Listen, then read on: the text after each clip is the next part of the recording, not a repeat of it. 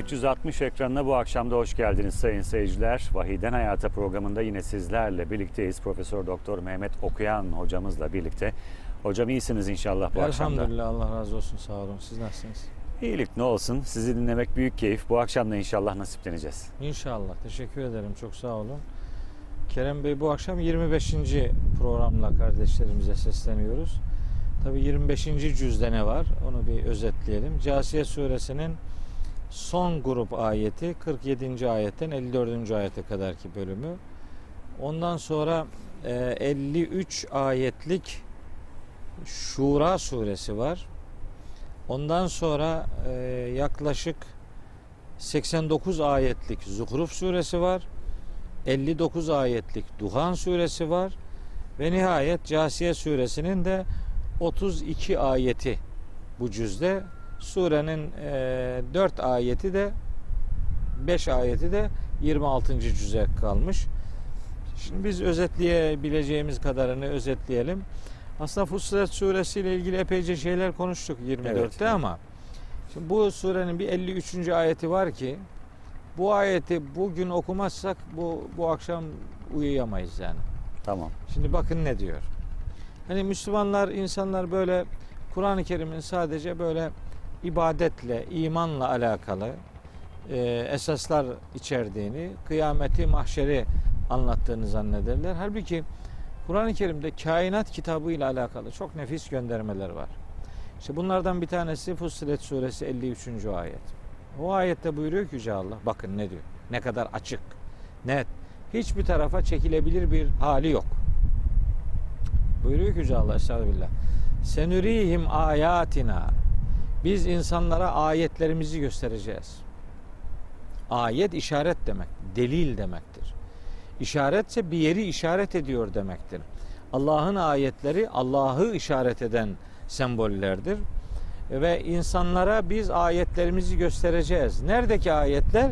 Fil afak, ufuklardaki ayetlerimizi de göstereceğiz. Ve fi enfüsihim kendi canlarındaki ayetlerimizi de göstereceğiz. Niçin? Hatta ta ki sonunda yetebeyyene lehum ennehu'l hakku. Onlar için ortaya çıkacak ki Kur'an gerçeğin kitabıdır.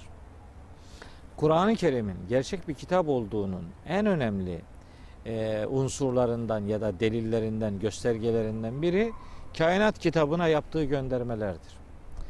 Yani uzayda olan hakikatler, toprakta olanlar, toprağın altında olanlar, sulardaki, yıldızlardaki, güneşteki, aydaki, gezegenlerdeki ne varsa kainat kitabında Allahu Teala neyi yaratmışsa onun yarattığı her bir şeyi gözlemlemek, onunla alakalı zihni çalışmalar yapmak Allah'ın insanlara yönelik tıpkı namaz gibi bir emridir. Dolayısıyla kardeşlerim şuna aldanmasınlar. Yani işte dini ilimler beşeri ilimler. Dini ilimler deneye dayalı ilimler. Dini ilimler müsbet bilimler gibi böyle ayrımlar var. Biz bu ayrımların hiçbirini kabul etmeyiz. Bizim için din ayrı, dünya ayrı değil. Bizim için din neyse dinin varoluş, gönderiliş gayesi zaten dünyayı inşa etmektir. Dünyayı imar etmektir. Dünyayı barış yurduna çevirmektir. Dünyayı yaşanabilir hale getirmektir. Dinin esasları ahireti inşa eden esaslar değil, dünyayı inşa eden esaslardır. Ve Allahu Teala'nın kudreti sadece ibadetlerde aklımıza gelecek bir kudret olmamalıdır. Allah'ın kainat kitabındaki her bir nesneye koyduğu kanun Cenab-ı Hakk'ın kudretinin göstergelerinden bir tanesidir.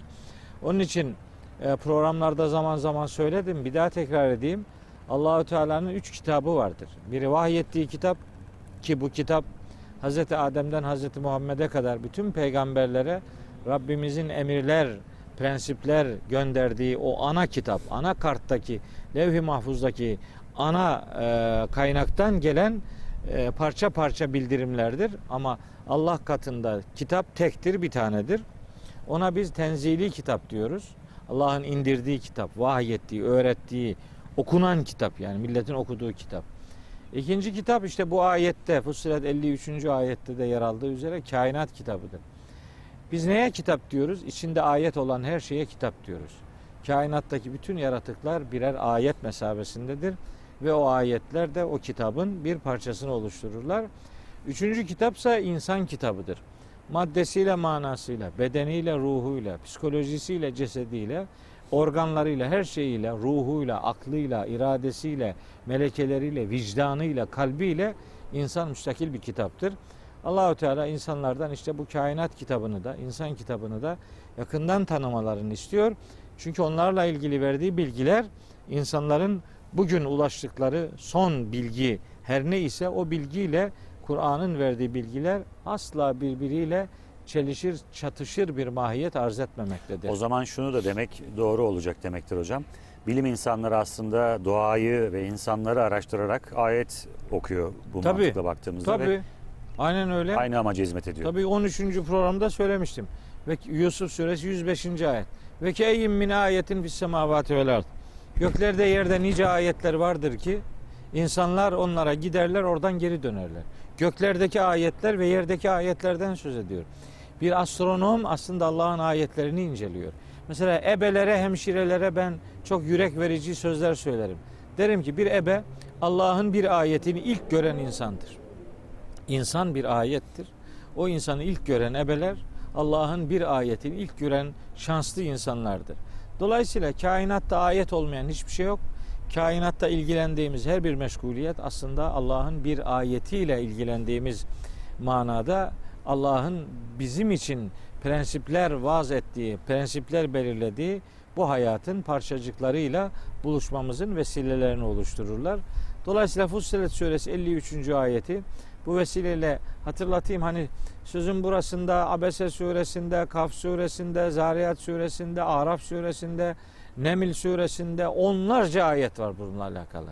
Hatta işte Mülk suresinde, Gâşiye suresinde filan dolu dolu ayetler var. Kardeşlerimiz işte bu Kur'an ayında onlardan istifade edecekler. Fussilet suresi bağlamında sözlerim bu kadar olsun. Ondan sonra Şura suresi var. Bu surede 53 ayetlik bir sure. Bu surede o kadar nefis bir cümle var ki Nedir hocam? yani işte Allah'ın kelamı böyle olur. Dedirten türden bir ayet. Tabi surenin hepsiyle alakalı bilgi verme imkanım yok. O ayeti hatırlatayım. 40. ayeti. Surenin 40. ayeti. Orada diyor ki Allahu Teala ve ceza'u seyyiyetin seyyiyetun misluha. Bir kötülüğün karşılığı en çok dengi kötülüktür. Kısasa kısas dediğin Evet. bu mudur? Tabi Kur'an-ı Kerim insanların dünyevi anlamda işledikleri suçların cezasını maksimum suç kadar verilsin diye belirlemiştir. Cezalar yani e, suça karşı uygulanacak cezalar maksimum suç kadardır. Ama iyiliklere verilecek karşılıklarsa Kur'an-ı Kerim'de beş maddede ele alınır. Bunun beş türevi vardır. Sevapların, iyiliklerin karşılığı. Bu iyiliğin bir karşılığı dengi iyilik olabilir. Bunu Rahman suresinde söylüyor. Hel cezaul ihsani illel ihsan. Bir iyiliğin karşılığı dengi bir iyiliktir. Yunus suresinin 26. ayetinde bir iyiliğin karşılığı daha güzelidir der. Lillezine ahsenu el husna Lillezine ahsenu. Güzel işler yapanlar için vardır. El husna daha güzeli. Bir artı bir demektir bu. Bire karşılık bir artı bir. Yine o ayette bir kelime daha var.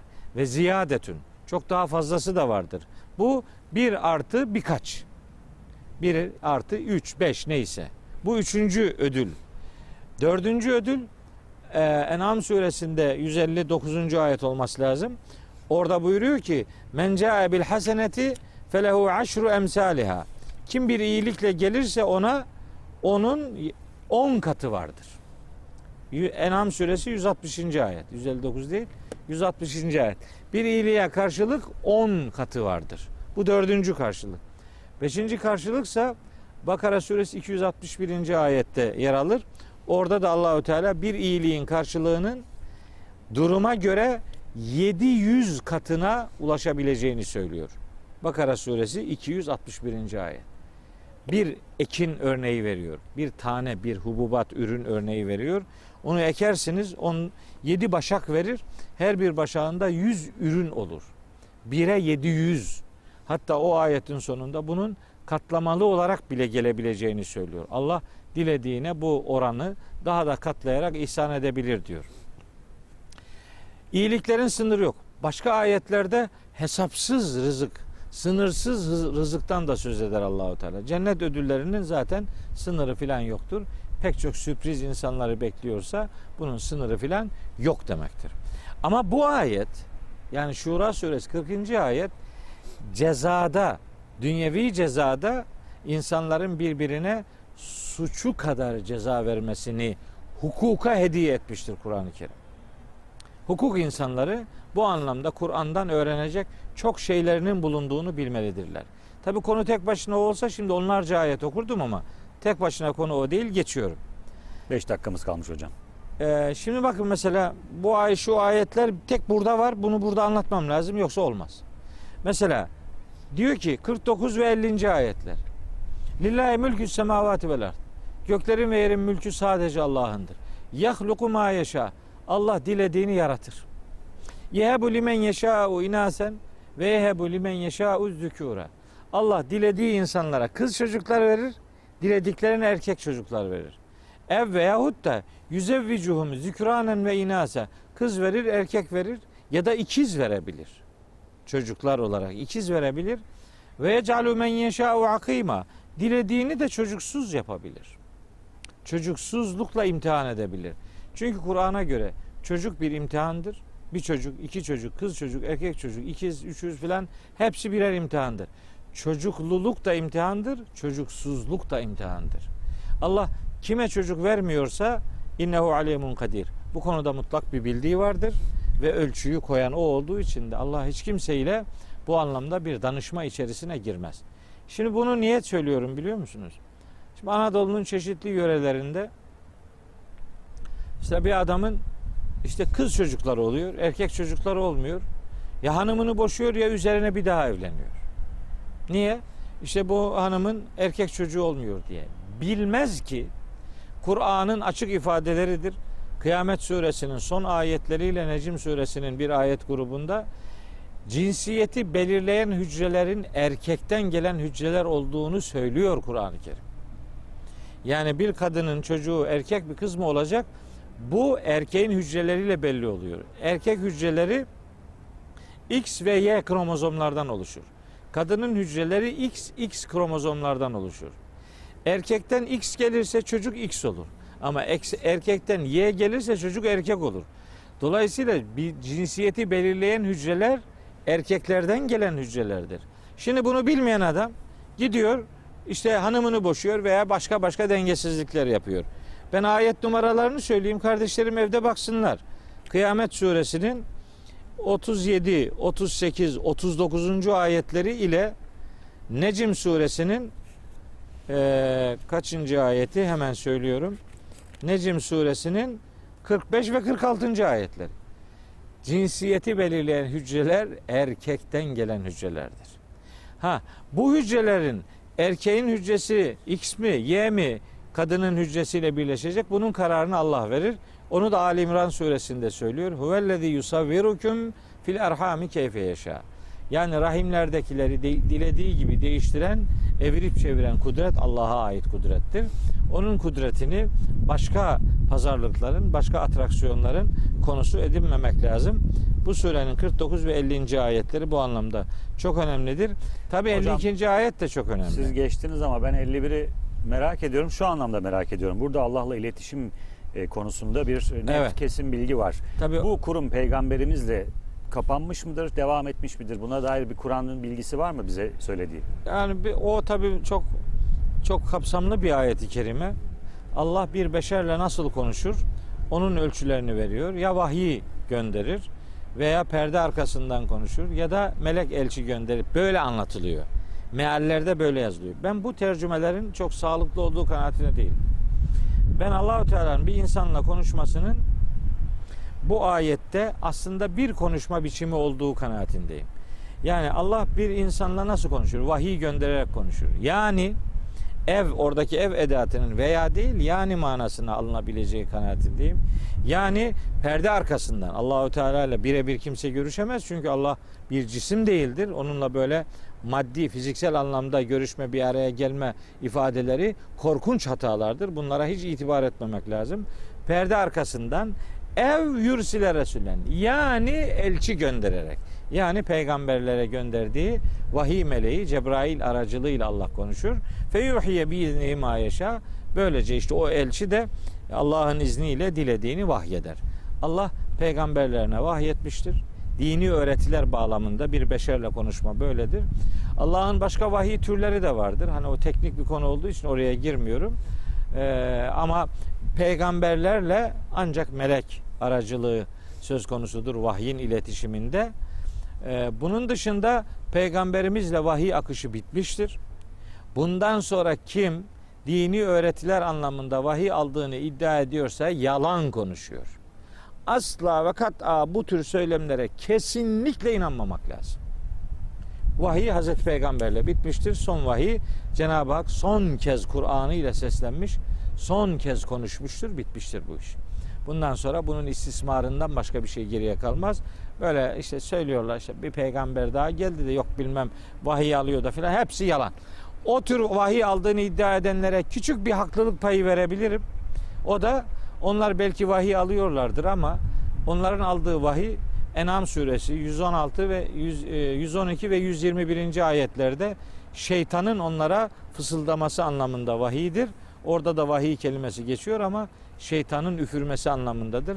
Vahiy aldıklarını iddia ediyorlarsa hocalarının şeytan olduğunu unutmasınlar. Hocam süremizi doldurduk. Yapma ya. Ne Öteki zuhruftan, evet. ne duhandan, ne casiyeden hiçbir şey söylemeden nasıl bi- nasıl biter? Bitiyorsa biter ama mesela Zuhruf suresi 61. ayeti anlatmak isterdim. Bu Hazreti İsa gelecek bekliyorlar filan bilmem ne. Onlarla ilgili çok istismar ettikleri ayetlerden biridir.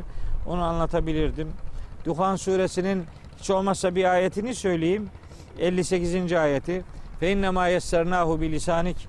Biz bu Kur'an'ı peygamberimize söylüyor Allahu Teala. Senin diline kolaylaştırdık ki leallehum yetezekkerun insanlar gerçeğin öğüdünü alsınlar, gerçeği hatırlasınlar. Kolay olduğu ilan edilen bir kitabın zor olduğunu söylemek bu kitaba yapılan en büyük haksızlıklardan biridir diyelim. Casiye kelimesinin de diz çökmek anlamına geldiğini mahşer şartlarında herkesin Allahu Teala'nın huzurunda boyun bükmüş ve diz çökmüş olarak onun huzuruna getirileceğini surenin 28. ayetinden istifadeyle adının da böyle verildiğini söylemiş olalım. 26. programda artık Ahkaf suresinden birkaç ayet kardeşlerimize hatırlatacağız. Teşekkür ediyoruz. Rica. Ağzınıza sağlık. Sağ olun. Bu akşamlık bizden bu kadar sayın seyirciler. Yarın akşam tekrar buluşmak dileğiyle.